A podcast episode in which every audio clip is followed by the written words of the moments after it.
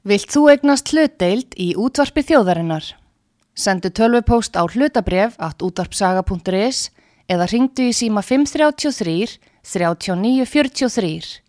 Útvarpsaga stendur vörð um tjáningafrelsið.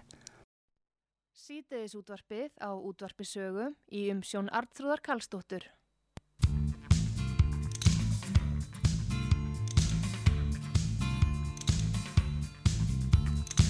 Það jafnast ekkert á við það. Að þrjuma sér í gott sólbað. Og liggja á bekk með bland og bús. Og bjórin tegur lítið skrús. Á spáni gott að djam og djúsa diskotekonum á. Sólbrendur með kvikta brúsa í sandulum og ermalösum ból grísavistla, sangria og sjó Senjorítun sjóskýði og bjóð Nautat og nætur klúpa ferð Nekna síningar af bestu gerð Á spáni gott að djam og djúsa Diskotekonum á Sólbrendur með kvikna brúsa Í sandulum og hermalösum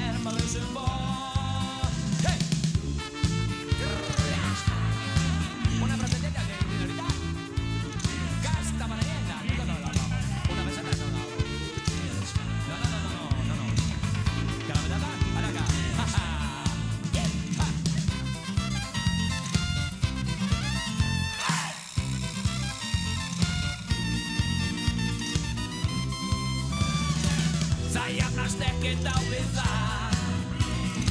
Að þrjuma sér í gott sólbað og liggja á bekk með bland og bús. Og bjórin tegur lítið skrúm á spáni gott að djam og djúsa diskotekonum á. Sólbrendur með kvikta brúsa í sandulum og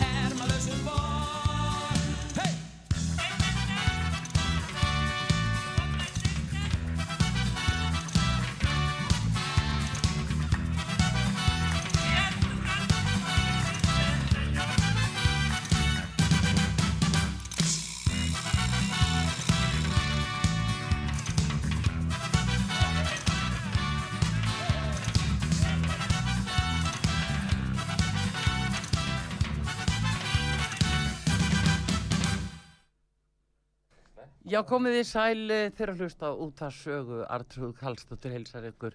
Það er gleðismiðjan sem er mætt hérna og við fengum aðeins upp á stónana hér með latta og það var bara tóm gleð á spáni hjá honum eins og þekkið.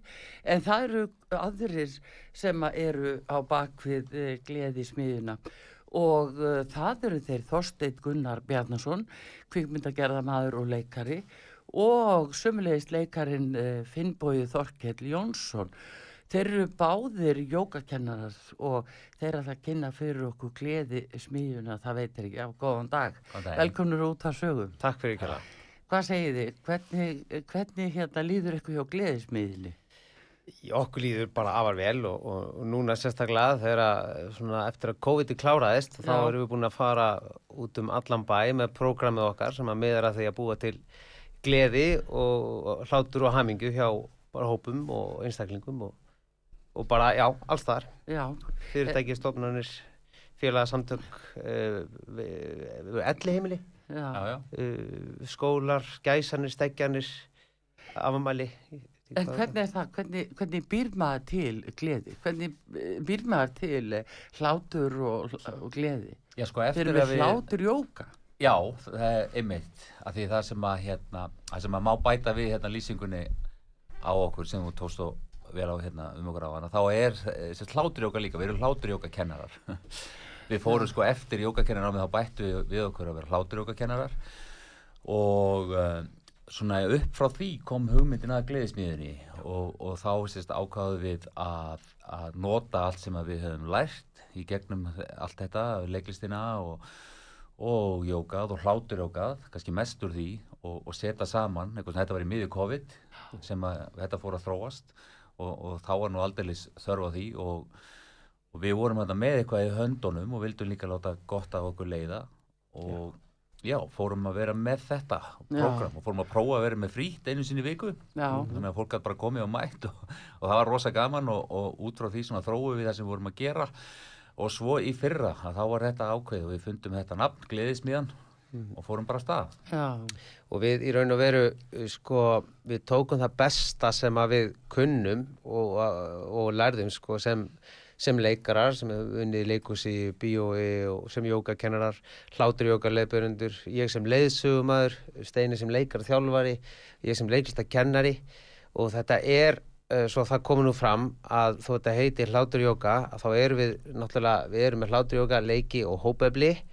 Og þetta er í raun og veru ekkert rosalega mikið skilt svona jóka eins og fólk þekkir það að stunda jóka á jókadínu heldur er þetta svona hópleikir að mestu út á gólfi já þannig að þetta er Já. svona lífandi, lífandi reyfing, já. jóka Akkurat, og reyfing. þú þarf ekki að vera í sérstökum klæðinaði eitt enni, þú ert bara í þínum vennulegu vinnufötum eða hvaða nú er, eða sparifötunum eða hvernig sem er og, og uh, við sem sagt fáum hópana hjá fyrirtækjunum uh, eða í amalánum, amalánum eða á elli heimilunum Já. þá reyndar situr fólk gætnan í stól eða hjá eldri borgurum við fáum fólk svolítið svona erum að virkja fólkið í leikjónum Já. og lö- aðlögum að hverjum hópi. En þið eruð ekki sko með erlenda fyrirmynd af þessu eða eitthvað svona, er þetta bara það sem þið finnir upp sjálfur? Nei. Af Það er þá sko, ef ma- ef maður kannski lýsir sko, þetta er hláturjóka, hópefli og leikir Mm. uh, uh, heitir það, sagt, það er svona undirskriftin undir gleðismiðinni en, en sko, það er, nei, það er engin í raun og veru nokkuð fyrirmynd, myndi ég segja sko, Nei. það má kannski segja frá því að hláturjóka sem slíkt er svolítið bara nýtt að nálinni og hérna, og það var sagt fundið upp af hjónum árið 1995 á Indlandi, það Já. sem að sko maðurinn er læknir og konan er jókakennari. Og, og uh, þau sagt fundu þetta upp að vegna þess að hún var að kenna jóka og allt þetta og hann var á spítalanum þar sem að hann var að vinna og hann uppgöta það, eða svona fannst það að, að sjúklingunum sínum batnaði fyrr ef þau hlóðu mikið eða var mikil gleði í gangi og Ekki sagt að hlátur er lengi lífið? Jú, heldur. Já. og, og hann og þau einmitt eru eiginlega bara búin að vísindarlega sanna það, það er bara orðið staðfest að það er bara alveg rétt að því til þess að gera langa sögu stutta að þá sagt, fór hann að taka þetta lengra að, að prófa þetta. Og hann fór að hérna með allskins aðferðum að fá sjúklingarna sína til þess að hlæja og fór að gera svona test á öllu. Og, og hann alltaf sem læknir gatt kannski, veist, hann gætt farið að taka blóðpröfur og sett nema á fólk og gert svona hitt og þetta. Og þetta var svona svolítið prósess. En uh, þetta sem sagt kom í ljós að, að hláturinn, hann er raun og verið lengi lífið og það er svo margt sem að gerist í mannslíkamann þegar við hlæjum og sem er, sem er vita núna, sem var ekki vita áður að, að sem það sem að gerist til dæmis er það að, við, að heilin og, og kirtlarnir, þú veist, það fyrir, það fyrir dæla endorfíni og ekki bara endorfíni heldur fullt af gleði hormónum og ef maður prófar að googla, er það ekki Jú. fyrir hérna sagt, the benefits of laughter til dæmis á ennsku, þá er listin bara endalaus það er önduninn og það er bara veist, líðaninn og, út af gleðihormónunum og hitt og þetta og svo er þetta náttúrulega afskaplega, það er vola gott að hlæja. Og, og sagt, þetta er náttúrulega hópefli þegar það hleyið mikið saman og svona en hann reyndi ímislegt og hann var að fá fólk til þess að koma á spítalan og vera fyndið og vera með uppistand og hvað en það náttúrulega kannski gekk nú ekkert voðalega lengi og fólk fór að vera þreytt á bröndurunum og allt þetta þannig að sko aðal uppgötunin stóra uppgötunin í þessu öllu saman sem að bjóð til hlátur okkar var það að það skiptir ekki máli hvort að maður sést hlæja einhverju fyndnu eins og bara ef maður horf á bíó eða einhver dettur á hausinn á þess að sér Já. en sko, eða bara hlær eins og við myndum bara byrja að hlæja hérna bara. Svona skiluru að þá þekkir heilin ekki munin hann þekkir ekki heil, eh, sérst, munin á sjálfsbrotnum hlátri og hinum hláturinn. Hann byrjar að gera það sama, dæla gleði, bóðirnunum og öllu þessu. Og það var sko stóra uppgötunin sem að er núna vísindalega staðfest. Og gleði nei fyrir ekki hérna hláturjókað er svolítið kemur svolítið út frá því, auðvitað er alltaf endar það með því í svona æfingum svo lengi maður springa til hlátri sko en, en það er svona byrjað því. Einmitt, en, en svona eh, bara fyrir þá sem ekki vita bara hvað er jóka sem dæmi, þeir voru því jókakennarar og síðan Já. hlátur jókakennarar en hvað er jóka? Er þetta svona innhver íhugun eða Nei, eh, kannski ekki alveg jóka þýr er raun og veru sko saminning eða, eða, eða sko að vera hluta heild eða saminast Já, og uh, hláturjóka er, uh, er náttúrulega byggir svolítið á því að þú ert að mynda tengsl og, og ert að samina og eins og Steinu kom inn á áðan að, að sko hortsteinin í hláturjóka fræðanum er einfallega þessi að það skiptir ekki máli hvort þú hlærð svo kallum feiklátri eða, eða sjálfbróttum hlátri eða hlærða einhverju fyndnu utanakomandi. Þetta hefur nákvæmlega sömu áhrifin á líkamann. og nákvæmlega sömu áhrifin á heilan. Heili veit ekki hvort, hvort að, hvað er gerast, hann bara veit að þú ert að hlæja. Uh, með þessa vitneski í farteskinu uh, var þessi indeski læknir og konan hans sem að jókakerrani, þau þróuðu hlátri jóka æfingar sem að sko um, miða eiginlega að því sama og jókað gerir þó þetta sé gjör ólíkt jókanu. Þetta er um, uh, þú, þú upplifir mikið að þú sért svona í æfingunum, sérstaklega þegar við hópa að þú hlutar heild uh, þú upplifir uh, þú upplifir tengslin. Þetta er mjög gott eins og við erum með hópaeflis hópan okkar að sko hlátri okkar æfingar eru í raun og veru sterkar, mjög sterkar hópaeflisæfingar já, um, og, og svo er, er þetta líka náttúrulega öndun. Þegar þú hlærð það sem gerist að þá, þá fyllur þú alveg lungun og svo þú hlærð frá þér að þá tæmur þú alveg, alveg lungun já, og þú getur ekki annað en verið í núinu. Það er, það er ómögulegt að þú ert ekki að fara að hugsa hvort að fara að kaupa í matinn í kvöld meðan þú ert að hlæja. Nei, nei, þannig að þetta er líka núðundræfing. Þannig að það er ansi margt sem þú færð með hlátur já, En að þú spyr kannski svona líka um jóka, bara jóka per se, já, að sko ég, ég fór í jókakennarnám að því að mér langaði bara að læra heimsbyggina já, og, og lífsleiknina. Ég hafði raun og verið, og það gera það margir veit ég sko, ekki, ég, ég hef aldrei kent jóka, þú veist, í sal, þannig Nei. sé sko. Og það er kannski ágætt að koma því að, að, að sko, jóka er miklu meira heldur en, heldur en innan gæðslega bara leikumi já, og leikviminn og eða sérst jókað í sal sé náttúrulega alveg svakalega gott og gott fyrir líkamann og hrygginn og, og, og þú veist komið í veg fyrir öldrun og allt það að þá er sko heimsbyggin er mun eldri heldur en, heldur en æfingarnar, það Já. kemur mun setna inn og það er svona bara eitt af besta sem, eða bara það besta örglega sem ég hef gert fyrir sjálfum mig að fara bara að læra það það er svona já, hvernig bara egoið og sjálfið og hvernig maður bara, þú veist, hvernig er maður bara í flæði áhyggjulegs og, og eða sem næst í Já, og, og og, er svona bara- tenging uh, sko uh, tilfinninga við líkamann uh, Já, já, það líka nú Þetta er bara og- sótt alveg aftur í forngrikki í rauninni Já, já, og enn lengra held ég sko, það er, fræðin voru skrifið á sanskrít, Já, sko, er það ekki ykkur fyrir talið um 8000 árum sko, síðan? ég var að kenna karlajóka það er nú Mm. aldrei þurfa á því og jú, það mér skilta að þetta séu 8000 ára uh, gömul fræði. Og þar, sögðu, þarna, þar var ég með sko stráka frá bara 20 og upp í Já. áttrætt þeir sögðu sko allir ég held að jóka væri allt annað. Ég held að þetta væri bara tegjur í sal út í bæ. Já, en þetta er fyrst og fremst sko hlustun á líkamann. Já, þú þig, þú þá fattar, þá finnur kannski gamla verkin sem þú ert búin að halda niðri í síðustu áratugi. Hann dúkkar allt í hennu upp og vill fara já, og það, það verður, þá kemur þessi léttir. Og þetta er, þú veist mm, eh, þetta er bara svo miklu meira heldur en bara eitthvað að gott að tegja þú já, ert að, að virkja hlustunum á líkamann í, í jókanu og þú ert virkilega að mynda enn og aftur tengsl við sjálfa þig. Já, já. Og já, og sjá samhengið. Sjá Já, já. hlutana bara. Já, Og, fræ, og fræðin líka, er Og fræðin, bara, jú. þú veist, bara, Jú, já, algjörlega já þannig að hérna, er nefnilega með þessi sko aðtílisvert þú segir þetta þorsteinn Mhm. að, að vegnast að það er svo lítið talað um heimsbyggi og eh, hversu mikið gagn hún gerir í hverstarslífinu hjá okkur Mhm. að hafa þennan skilning á eins og bara því þú, og þú breytir ekki manninum þú veist, eh, fólk Nei. er bara eins og það er en það er svo mikið verið að reyna að breyta okkur að við höfum að hugsa öðruvísi eða við höfum að skipta um skoðun og allavega Já, já. en hver erum við sjálf og að og við að tökumst á við þetta Já. dagstælega hver erum við og þorum við að vera við sjálf Já, og, og þetta að þú veist, það þýr ekkert heldur fyrir okkur að breyta öðrum, ekki fyrir ekkert þeir að breyta Nei. okkur sjálfum Nei, og, og held, að, þú veist, hvernig lifið maður bara með heiminum Já, já, veist. líka eins og stundum er sagt þú kennir ekki gömlum hundi að sitja þá er það nú eitt sem, sem er nú alltilir já, Já, maður getur raun og veru bara breytt sínum eigin við honum sko. Já.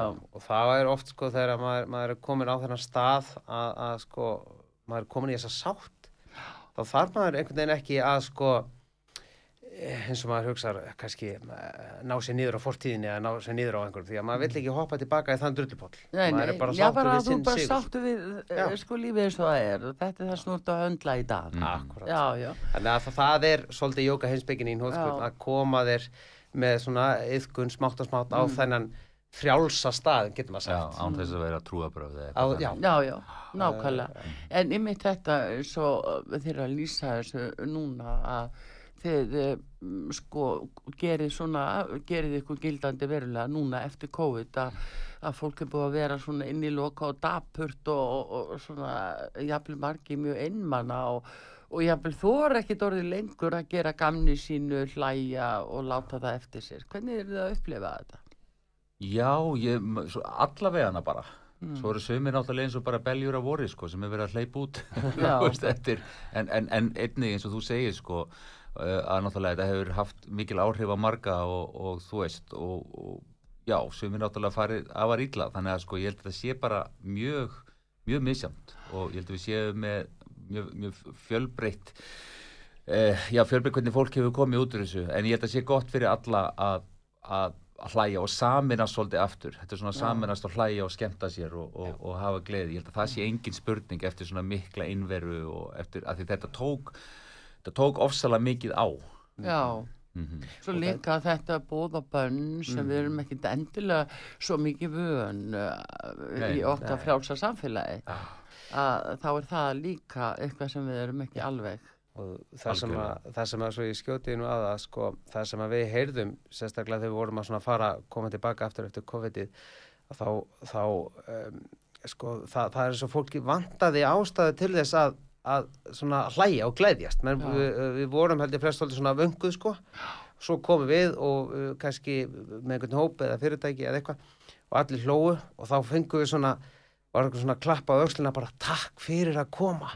Já, og í einu fyrirtækinu og hérna eða einu, það var nú ekki fyrirtæki, það var nú bara hópur út í bæ þá var bara, þá fengum við sko bara, vá, ég hefði bara aldrei, ég vissi ekki að þetta væri til að geta bóka bara svona, fá einhverja gæja og bara allir skellir læja já, og hérna þannig að við upplöðum sko svolítið svona að fólk var bara svona, bara feið bara, bara loksins og takk fyrir að hjálpa okkur upp. Já, eitt, eitt svona, eitthvað, eitt gleði þreppi viðbót. Já, já, Svo er líka ágætt að stinga það sko að, að því að við erum að tala um að fólk komi og þetta er geysilega mikil hópefli að Mm. að hlæja og allt það. En þá erum við náttúrulega þetta er alveg sér hana þannig að við gefum innan gæsalappa líka gjafir Mm. uh, hvað er rosalega gott að gera mótana til dæmis árum að fer út í daginn Já. og hérna svona ímis tryggs sem að taka lítinn tíma og þetta gera hvað sem er og Mm. hvað er hægt að gera þessi fræði svona já, segja ef maður til dæmis líður bara ekki alveg nógu vel?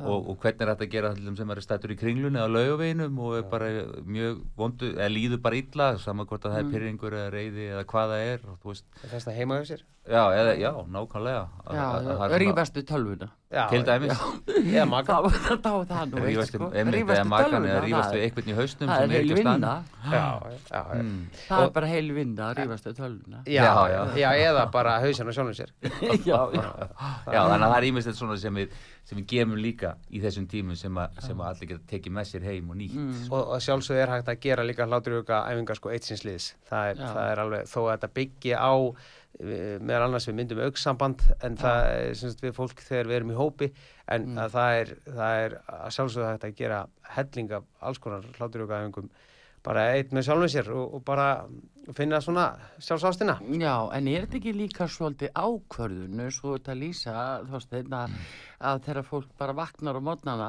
er þetta ekki dálítið ákvörðun fyrir hvern og einn? Þetta, jú, Hvernig vilt þú hafa þennan dag? já, Hvernig ætlar þú að mæti vinnu? Ætlar að koma með vandamálun úr skúfunni heimana frá þér? jú, jú.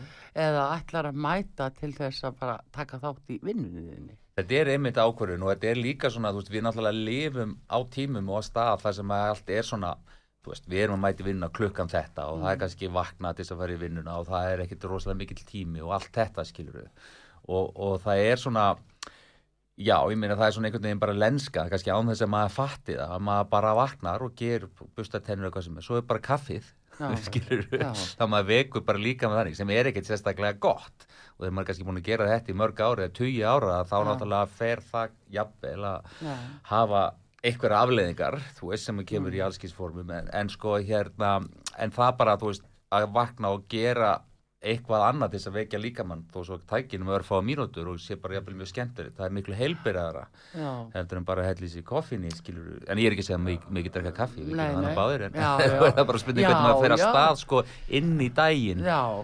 Og, og þú veist, það, það er ímistett svona sko sem að, að er búið að vera að gera í mannkinn sögunni sem að við höfum kannski svolítið glemt sem er alveg gott að, að, að vera meðvitaður um, veist, Mhm. hvað getur nýtt mér sko.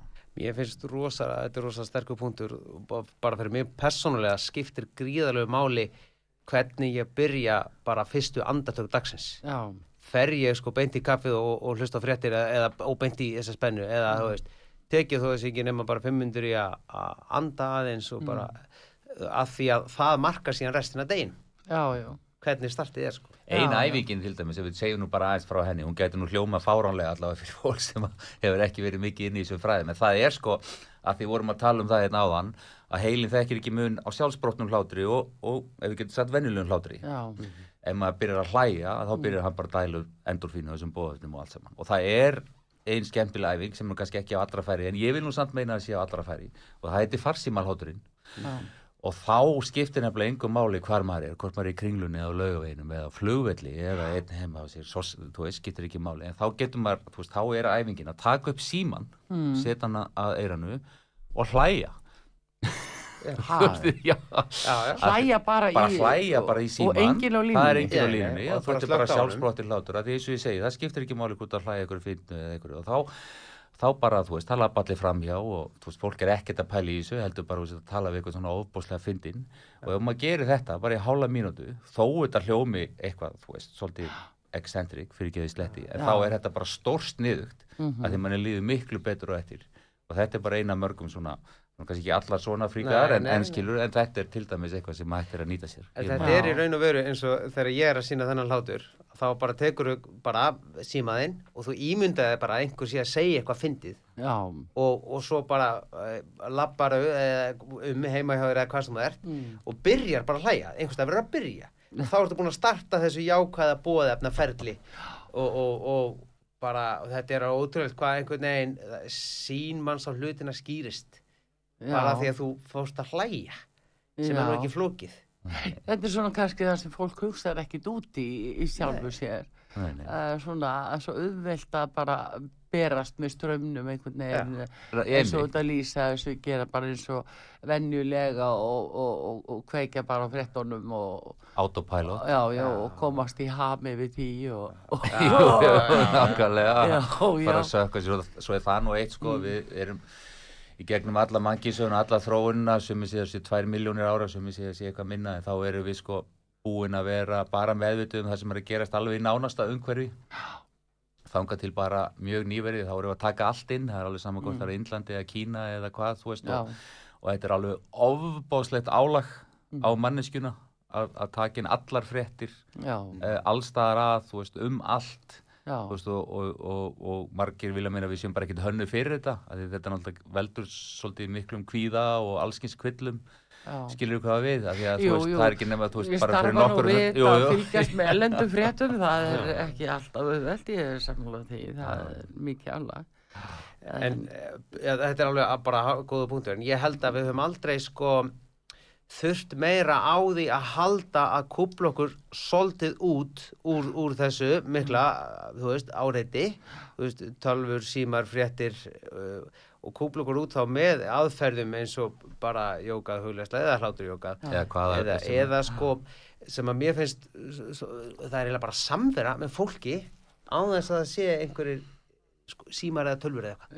Bara vera bara með fólki upp á gamla góða máta já, en er það ekki svona ákveðið, ég segi nú kannski ekki endilega áhyggjefni, heldur sko, þetta er ákveðin trublun sem ég, ég myndi halda að væri svo mikilvægt að fólk væri afar meðvitaðum, að það eru eiginlega símatnir, sko, maður fann að segja, byrju, hvort kom ég og undan, ég eða að að því að þú bara settur aftast í röðina Mhm. að því að sá sem á þjónustöði hann svo upptekinn eh, eh, að afgreða síma sinn. Algjörlega og líka bara hlutir eins og uh, sko að því að ég var nú alveg til áður en að farsímandi komið til Já. að sko, þú veist, maður satt aftur í bíl það verið keirut í sveit í kannski klukkutíma og þú veist, mann er svona ég segi kannski ekki leittist, en jú, jú, mann er kannski leittist stundum en, en, en það var bara nöðsynlegt það var bara hluta lífinu og, og upp úr því komið fullt af hugmyndum og annað slíkt að sko, að geta fyrir utan það sem þú ert einmitt að segja að við erum bara að missa fókus og allt það og það er alltaf verið að fara í síman og, og fólk sem er að afgreiða og eitthvað svoleiðis að þá er þetta líka svolítið, þú veist, það er hluta lífinu að vera líka einn Já, og einn með sjálfu sér og geta verið einn með sjálfu sér og í í þessum aðstæðum á þess að geta alltaf bara eða í raun og veru verð alltaf að grípja eitthvað Já. þú veist það sem út að fara að samskiptamili að skoða Mm. eitthvað, að lesa fréttir eða annað slíkt, Mhm. það er bara að, að ég held svolítið varasamt út í eitt já, já.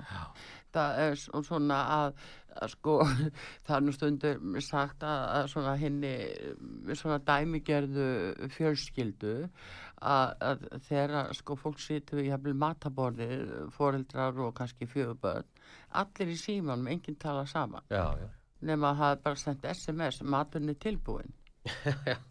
Já, við sækja- já. sækja, eða sækja börnin eh, skoður inn í herbyggjum þá bara sendt SMS já. maturinn tilbúin En, en það er að- einmitt að, er einmitt að koma þetta er þessi samskipti sko, ég Jú, er að meina það. Já, já, algjörlega, já, já. Og það er sem betur fyrir náttúrulega komin gríðarlega vakning með þetta allt. Mm. og, og, og, og þetta svona tengist í svolítið sem við erum að gera eða ekki Jú. að við erum að, að, að að minna á að, að að fara inn á við og, og þú veist og hafa, hafa það gaman og taka ekki allt inn á sig úr umhverfinu og hlúa svolítið að sjálfu sér og, og anda og hlæja og, og þú veist og maður þarf ekki að vera inn í öllu sem er að gerast sem að þú Nei veist, og láta það líka eftir sér. Já, einmitt, og þú er alveg að segja, nei ég veit ekki um þetta. Já, einmitt. Sérstaklega um hluti sem, er, já. sem er ekkert að hafa neina, fara að hafa neina áhrif á sko. Já, það sé- getur verið mjög- bara alveg lífsnauðslut fyrir fólk að ignunera viljandi ákveðna hluti til að taka Já. ekki allt og mikið inn á sig. Algjörlega. Ég hef oft sko bara heilu hálfu dagana þá hef ég síma minn bara, bara hljóðlausir í stillingu. Já, og bara, og bara að því annars er hann alltaf að pípa og svo bara, þú veist, teki bara frá. Já, ok, ég sé hérna tveir búin að ringja, ég afgreiði það. Mm. eh, ég svara hérna tölvupost og svo bara leggja hann frá mér og, og, og það er ekkert langt sen ég fór að gera þetta en þetta létti bara stórlega á deginum. Og það, það komi ljós að maður þarf ekki alltaf að vera að svara strax eða, eða gera strax. Og, hérna, og, og það sem við erum að benda svolítið á með, með sko gliðismiðinni að sko það má leggja svolítið sko til hliðar eh, sko amstur dagsins mm.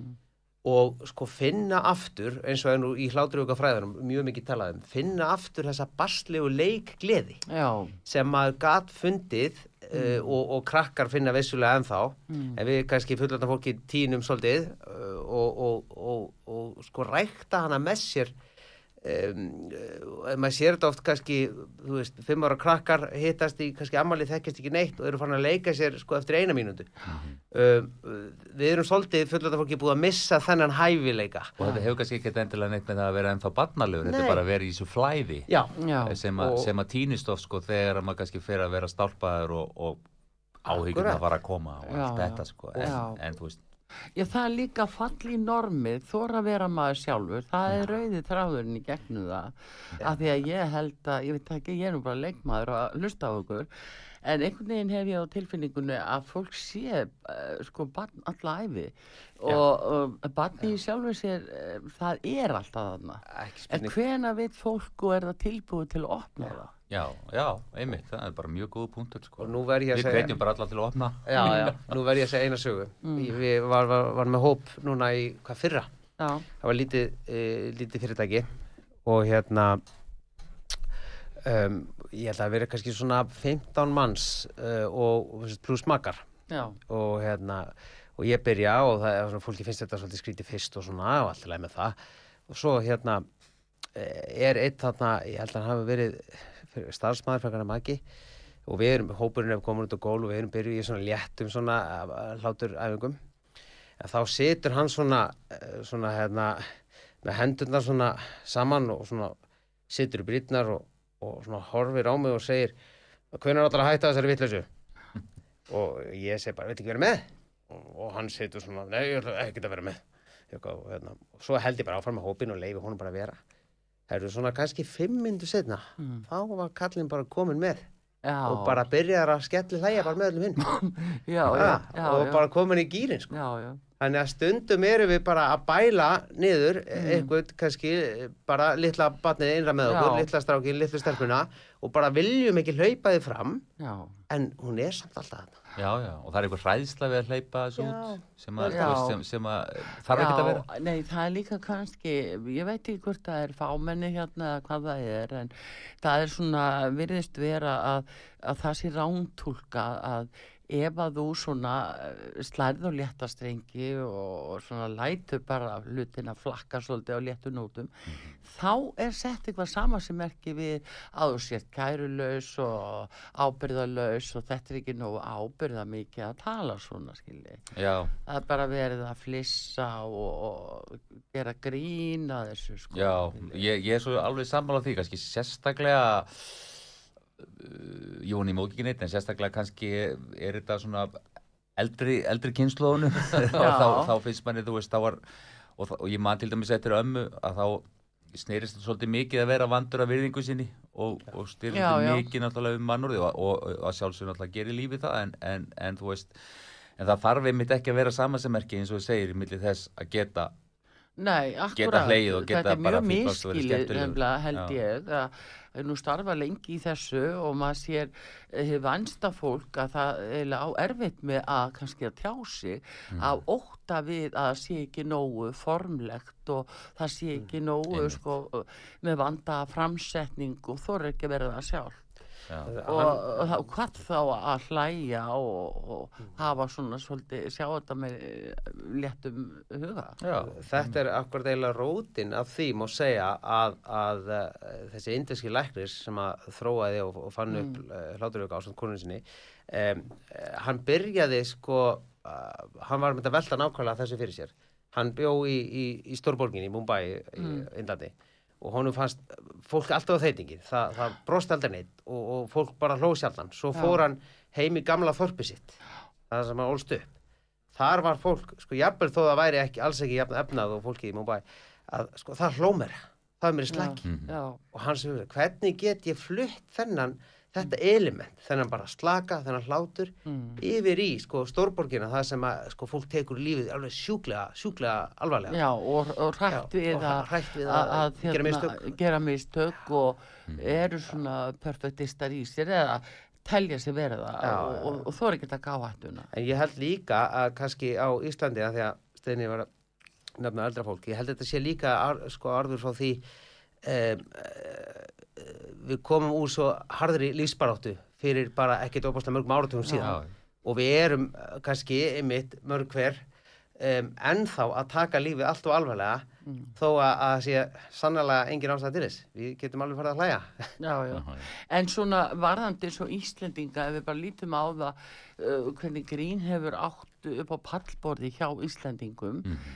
Uh, þannig að stundur sagt að Íslendingar séu svolítið þungir þeir séu bara svolítið þung þjóð hafið þið skoðun á því Já, sko, það sem að ég lærði í London Mhm. og, og þekki mikið að reynda fólki sem hefur komið hérna líka og, og heimsótt mig og, og ég hef hitt hérna og svona og þeir Já, sko, það, eins og ég heyri okkur líst allavega þeir sem kynnast Íslendingum mm.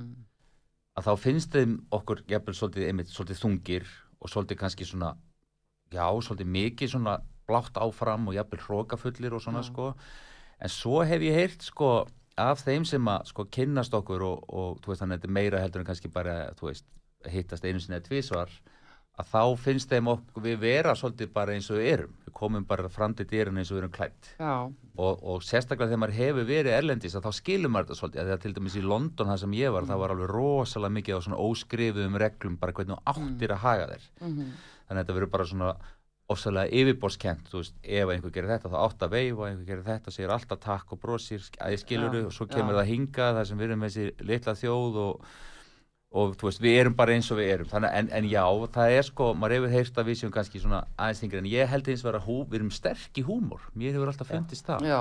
Við, uh, við er, erum með svolítið grófan húmor sem til dæmis breytanir hafa líka en alls ekkit allir hafa.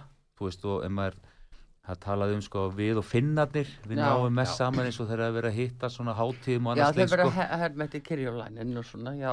Já, já, já, og þeir eru ekki alveg svona í kassanum eins og, eins og svíjarnir og danirnir Nei, og normennir og Nei, nei, svona, normenn er svolítið svona fyrkantið, svo að Já, segja. og svona- svíjarnir geta verið nú ansi mikið þannig líka með það eins og að horfa á grínefni sem þeir gefa út og svona, það er svona Já, ég segi nú ekki meira en, en, en, En ef en við já, ég þetta eins og hérna á Íslandi svona síðustu ára að það þeir eru voru að koma fram sko, það var uh, uh, Baldur og Konni, það er nú Mm. svona bara það allar lengsta sem að ég man aftur Mm. og síðan var það náttúrulega Ómar Ragnarsson þegar hann kom Mhm, já. og uh, það var, menn vissi ekki hvernig er átt að taka því hvort þetta væri furðufugl Einmitt. eða hvort þetta væri grín og hvernig mættu hlæja og svo framvegis hvernig er ætti að taka þessu Já. það var, uh, það var nú svolítið svona uh, sérkynlegt sko það er líka kannski þarna Mm. uh, sko að því að uh, sko, fólk hafði svo lítið samanburð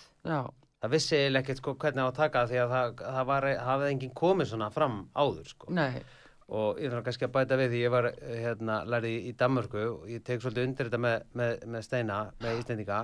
Það sem ég uppliði munin á okkur og dönum er að sko að við erum ekki að, svona alltaf líklað og taka bara á móti öllum og drekka bara null og eitthvað svona. Já, Eh, það er aðeins dýpra á þetta hjá okkur eh, en dýpra á húmórin en þegar að sko er búið að ná til okkur á einsta, einsta kjarna þá Já. er það alveg hreint og tært og þeir Ég voru held brjóta að í sé svolítið sín þannig. sko, já, já, Nei, ég hérna- held að Já, við, ég, get- ég myndi að við, við, það er mikill húmor hérna og ég held að við séum skemmtileg þjóð en það mætti kannski opna bara Já. meira, Já, fólk mætti bara vera meira í flæðin og leifa bara vera eins og er og hlæja bara Já, þess er svo aðtýrlisvert og gaman að vita til þess að þið takkið ykkur saman í gleðismiðjunni einmitt að gera þetta og stíga þetta skref því þetta er, sem við vitum það er Ómar Ragnarsson, svo kom sumagleðin og, Jú, jú. og bara Latti. sló í gegn og Latti náttúrulega og allir þeir snillingar sem þar voru Mhm. og hérna, nú gaman að því bara núna við erum að fá auðlýsingar en eftir auðlýsingar ég verðilega spila eitt lag af þessu tilhefni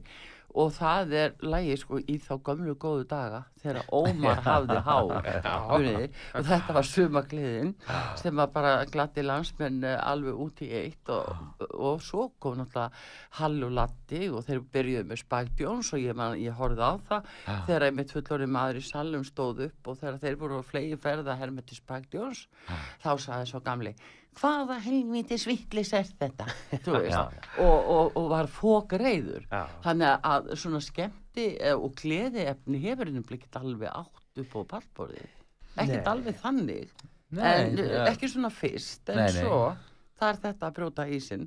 En það eru góði gesti hér frá gleðismiðinu á útarpi sögu. Það er uh, Þorsteinn Gunnar Bjarnason kvikmyndagerðamaður leikari og jókakennari, hláturjókakennari og sömu leiðis fimbúið Þorsteinn Ljónsson hann er líka leikari og uh, jóka, hlátursjókakennari þeir eru að segja okkur frá þessum skemmtilegu hlutu sem þeir eru að gera glæðja þjóðina, hláturinn lengi lífið. En við fóðum auðlýsing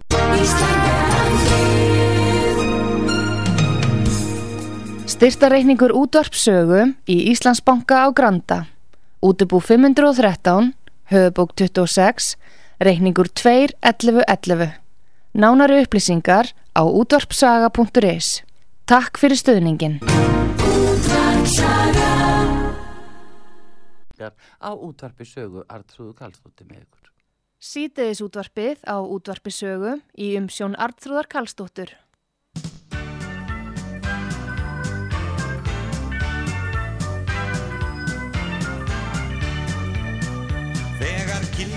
Kiljan gerðist Nobel skáld og K.K. blés í sax. Og Klásen bræður hlup og snjóbíl gvendar var til dags.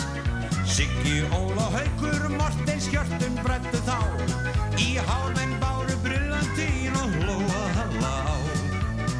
Í þá gamlu góðu daga þegar Ómar hafði hár og hún Sippi var töff og sér að Bjarni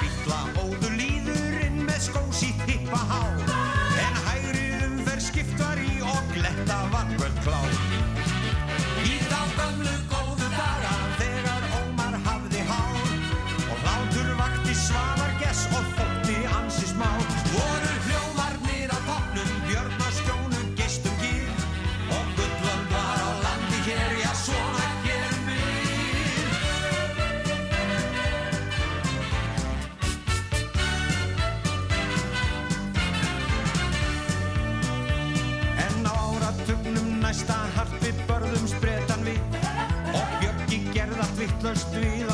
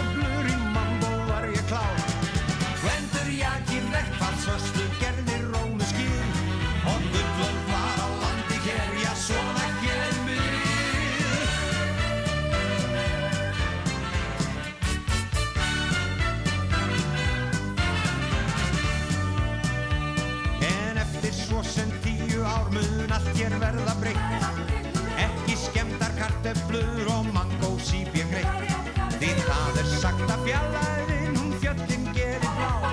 Mér finnst það ansi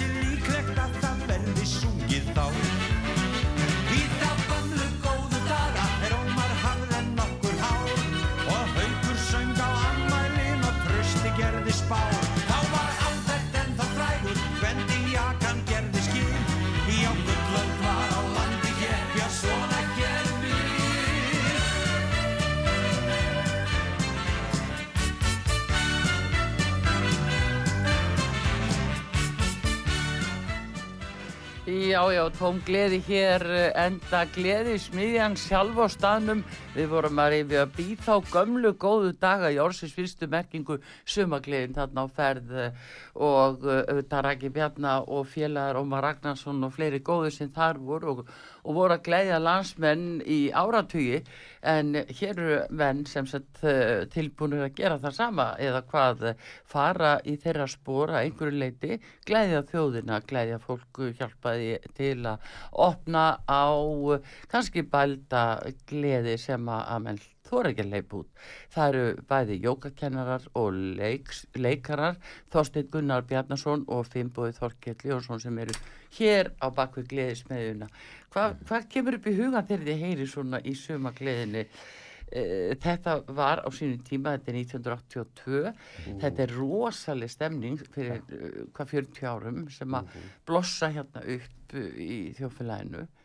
Og uh, svo hefur þetta leiðið daldi niðri, það var náttúrulega Gísli Rúnar og Já. Latti hefur náttúrulega verið, hann er náttúrulega bara gersemi sko. Þetta er allt snillingar. Hann er bara, þetta er bara stillingar og þú einmitt Þorsteinn, þú komst og leikstýrði myndin í Jóhannes með Latta.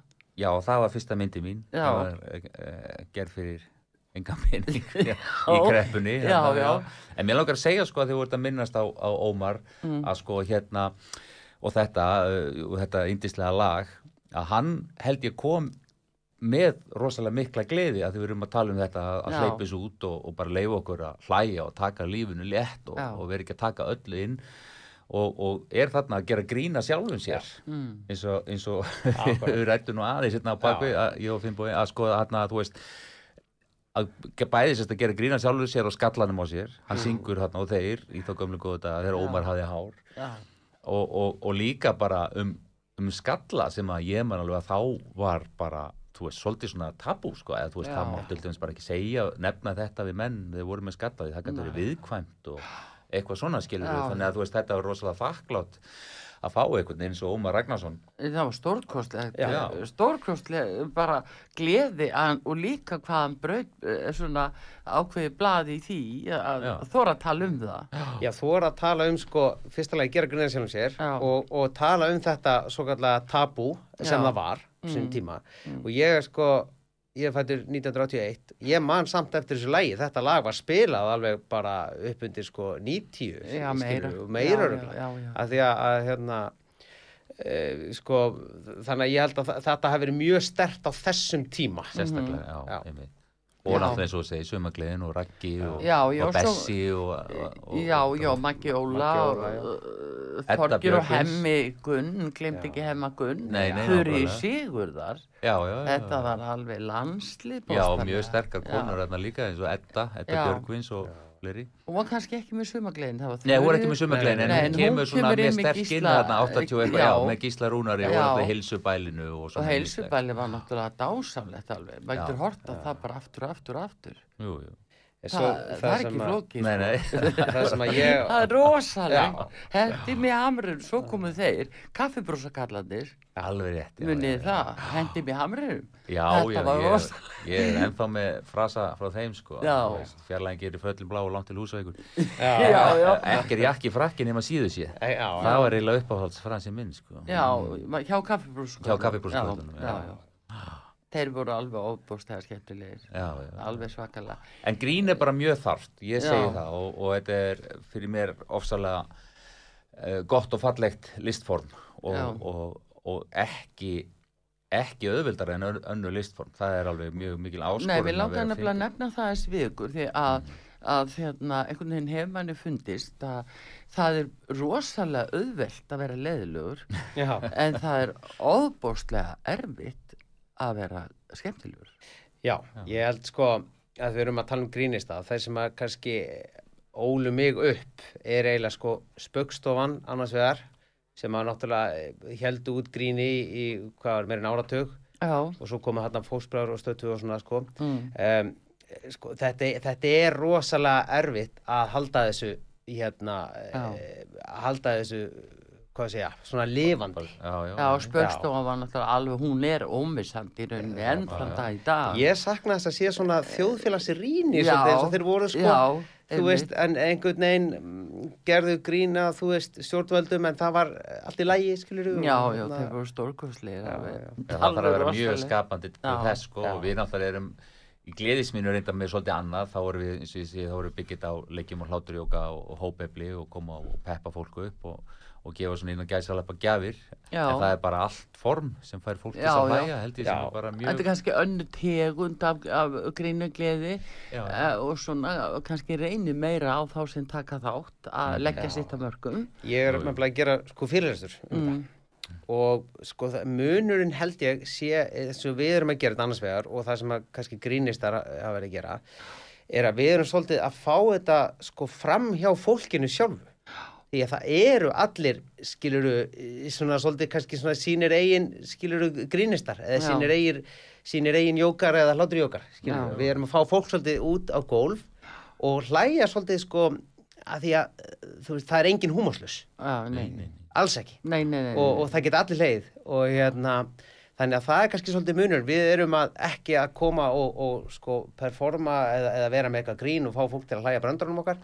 Við erum svolítið að fá fólk til þess að koma og hlæja bara ja, lífinu og bara, Bara gaman að vera til meira og já, já, já, já. að vera svo náttúrulega er þetta rosalega sko það sem við erum að gera er náttúrulega fyndið og skemmtilegt. Þannig að náttúrulega, þú veist, þetta er ekki sjálfsbróttir látur alveg út í gegn, náttúrulega fólk, svo fer fólk að hlæja, að allir springur láturi og allt það, Já. sko en þetta er ekki, þetta er ekki, þú veist, upp í standi eða eitthvað svoleiðis. Nei, Nei, nei, nei, nei, en hérna þið sem sagt, þið farið inn á vinnustadi og, og eru með þetta svona hópefli efli inn á, á vinnustöðum. Já, við, við aðlöfum prógramið sko í raun og veru að hverjum og einum. Vi, við höfum við mm. taka gæsanir og steggjanir og þá svona, þú veist, það er náttúrulega ákveðin stemning og þá förum við, gengum við kannski svolítið langt, þú veist. Já.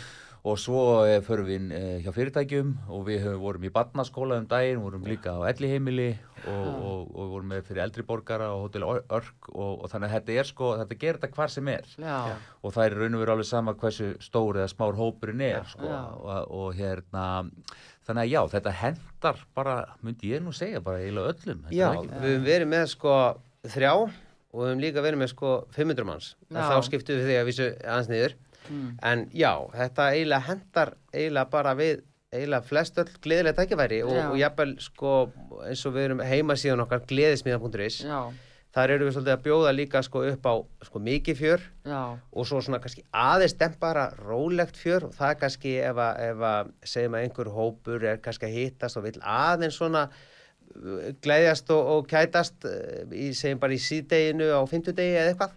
Ég Svo læra aðeins meira. Já, einmitt og fleiri gjafir svona, eða og svo erum við með svona kannski afslapa fjör sem að við kannski bjóðum þá eins og segi Já. elli heimilum og einhverjum svona En, en hvað með brúkup? Já, Við hefum ekki verið brúðkaup. Við hefum farið útskriftarveislu. stórsniðugt. Nei, maður er svona að sjá Já. það fyrir sér Þetta er hvernig, bara stóðsnið ferming. já, er ekki snýðið til brúkup að leifa fólki að hafa gaman að þessu? Við hérna vorum í, í hérna útskriftaveislu Já, uh, og svo vorum við nú bókar í fermingu en, uh, fermingaveislu en það var nú fresta út af COVID-inu. já, Um, Ég tók eina fermingu þú tókst einu Já. fermingu, já, já, Það já. var mjög skemmtilegt Og hérna, eins og sé, við, þetta er eiginlega bara uh, allar, eins og við segjum sko heimasíðinu, allar gerðir hópa. já, bara alveg, bara hvar sem er, hvern sem er og við erum búin að vera úti náttúrulega núna í sumarsvoldið og, og svo bara svo lengi sem er rými eh, Já. þú veist, hvar sem er þá og fólk Zoom þá bara, það pantar bara tíma hjá okkur eða þess að stinna á gleðismíðan Já, Já, bara ringir eða sendir okkur e-mail sko. Það er allar upplýsingar inn á gleðispíðan.is Já, Já. hvað er þetta, hvað taka þessi prógram langan tíma hjá okkur? það er búið að missa við, við eins og Steinu kom inn og við aðlögum prógramið að aðstæðum hverju sinni. Ef að, ef að hópurinn hefur kannski bara eh, 20 myndur, mm. korta 20 myndur þá bara gerum- erum við með svo kallar hraðprogram en svona oftast nær er þetta svona frá 40 og upp í 60 mínútur Já. Já. það er svona yfirleitt tíminn sem Já. þetta tekur og, En hvað með þessu saumaklúpa sem eru raun og vera að breytast yfir í mataklúpa? Nei, ég segi svona, þú veist, og hérna uh, hressa, hressa, svona, koma og hressa fólki. Já, já, já, það er bara myndi henda alveg fullkomlega myndi ég Já. halda sko, bara hvernig sem er sko ég stundum sagt sko, svo lengi sem að fólk er bara til í að gleðjast og hlæja þá erum við alveg þá er alveg hægt að bóka okkur sko. Já, Það bóka okkur fjölskylda um daginn sem langaði bara svona aðeins að hrista sér saman eftir, eftir COVID það sem einhver hefði líka búið erlendis og það hefur svona Já. bara hlutinir hefur tekið á eins og gengur og gerist. Já. og þau vildu bara fá hópefli og hlæja saman og eitthvað og það gekk alveg stórkostlega. Já, og, og kom með þessi að tvísvar já, já. og kom aftur og, og þannig að bara ég, eins og ég segi, þetta bara er til þess að opna og, og njóta lífsins meira og, og svo farið þið sérst á, á elli heimili og, og er það ekki mjög þakklátt, er ekki fólk ánægt að Það sjá rosa okkur sko. Jú, okkur langar svona til, líka til að láta gott af okkur leiða þannig að Mm. við höfum farið á svona staði og verið ekki taka neitt fyrir. Mm. og hérna og það bara hefur einmitt, bara gengið mjög vel. Það var eindislegt að fara á elli heimili. Maður hefði kannski haldið að þau var eitthvað lokaðir í fyrir þessu heldur en aðrir en það var, það var ekki það var það mjög var skemmtilegt sko eiginlega eitthvað aðra, það var bara skilur þakklæti var svo mikið Já, að því að sko það- en, enn og aftur við vorum að, að virkja sko gleðina innra með fólkinu mhm. en ekki bara dæla út húmor frá okkur sjálfum sko. já, já. Þetta er bara tóngleði. En líka, þetta er oft uh, miklu nær fólki heldur en kannski Það að það. heldur en það er fljótur bræði heldur. Já, já, ég held að fólk það. geti alltaf miklu meira en það heldur Já, ég sé þetta líka þegar ég er að kenna vennilegt jóka ég með, var með 75 ára gamla mann sem að gata eiginlega allar hreift sig mm. og, og sagði það bara sjálfur að hann var hættur að geta litið í baksinspilin þegar hann var að bakka bílum út úr reyngislunni en bara til nokkra tíma þá var hann bara gata hann sko hreift tvöfald lengra en áður þannig að Já. maður getur alltaf miklu meira Þetta er hugurinn. Ég veit Hugurinn, ekki hvort ég hefði séð þáttinn sem var á rúfum daginn hérna um livleysuna. Já. Hann var ótrúlegur. Já. Og þó það komið þess vegna kannski ekki beint við þá segir það meira heldur en mikið um hugan okkar. Já. Að hugurinn í raun og veru stjórnar okkur miklu meira heldur en við áttum okkur á. Hugurinn berði halva leik. Já, Já. maður fer, fer þangað. En það var einmitt fólk sem var ofsalega veikt og hætt að geta gengið og eitthvað og þeim var öllum gefið lifleysu það held, held að vera að taka þátt í að prófa eitthvað háþróað lif Já, þetta var við bakverkjum og, og einhverjum svona stóð, stóðvandamálum að við minnir uh, og, og hérna og það- ég man ekki, það læknaðist ekki ég, að, þú veist, það er svona ábyrðalaust en allavega var þátturinn um það að það var fólk sem var farið að sigla bát aftur og farið út í lífi, svo er þeim tilkynnt að þetta sem þau voru að taka var, voru hrísgrjón. Já, og hérna, og já, það var alla, þetta var mjög skemmtileg þáttur, þetta segir okkur hvað við getum miklu meira Og akkurat í hérna bagleði og, og horfa þannig á lífið og tilveruna kannski miklu meira en við leifum okkur að gera. Ef maður segja það en gleðismiðjan bara hér í tómri gleði og gleðismiðjan.is og ég segi frá því. Og ég ætla að kveðja og þakka uh, kærlega fyrir þessum skemmtilegu uh, hérna, viðmælundum mínum. Það er Þorsteinn Gunnar Bjarnason kvikmyndagerðamaður, leikari og uh, hláturjókakennari og sömulegis Finnbói Þorkill Jónsson leikari og hláturjókakennari eigum við að kveðjast upp á þetta? Það var tóma gleði. Tómgleði. Og uh, það er eiginlega lægið um trúðinn sem kemur núna í lokin. Það er ekki hægt annað. Ræsilegt. Takk fyrir sem við leiðis. Artrúð Kallstóttir þakka fyrir og takk nema í útsendingunni Davíð Jónsson veriði sæl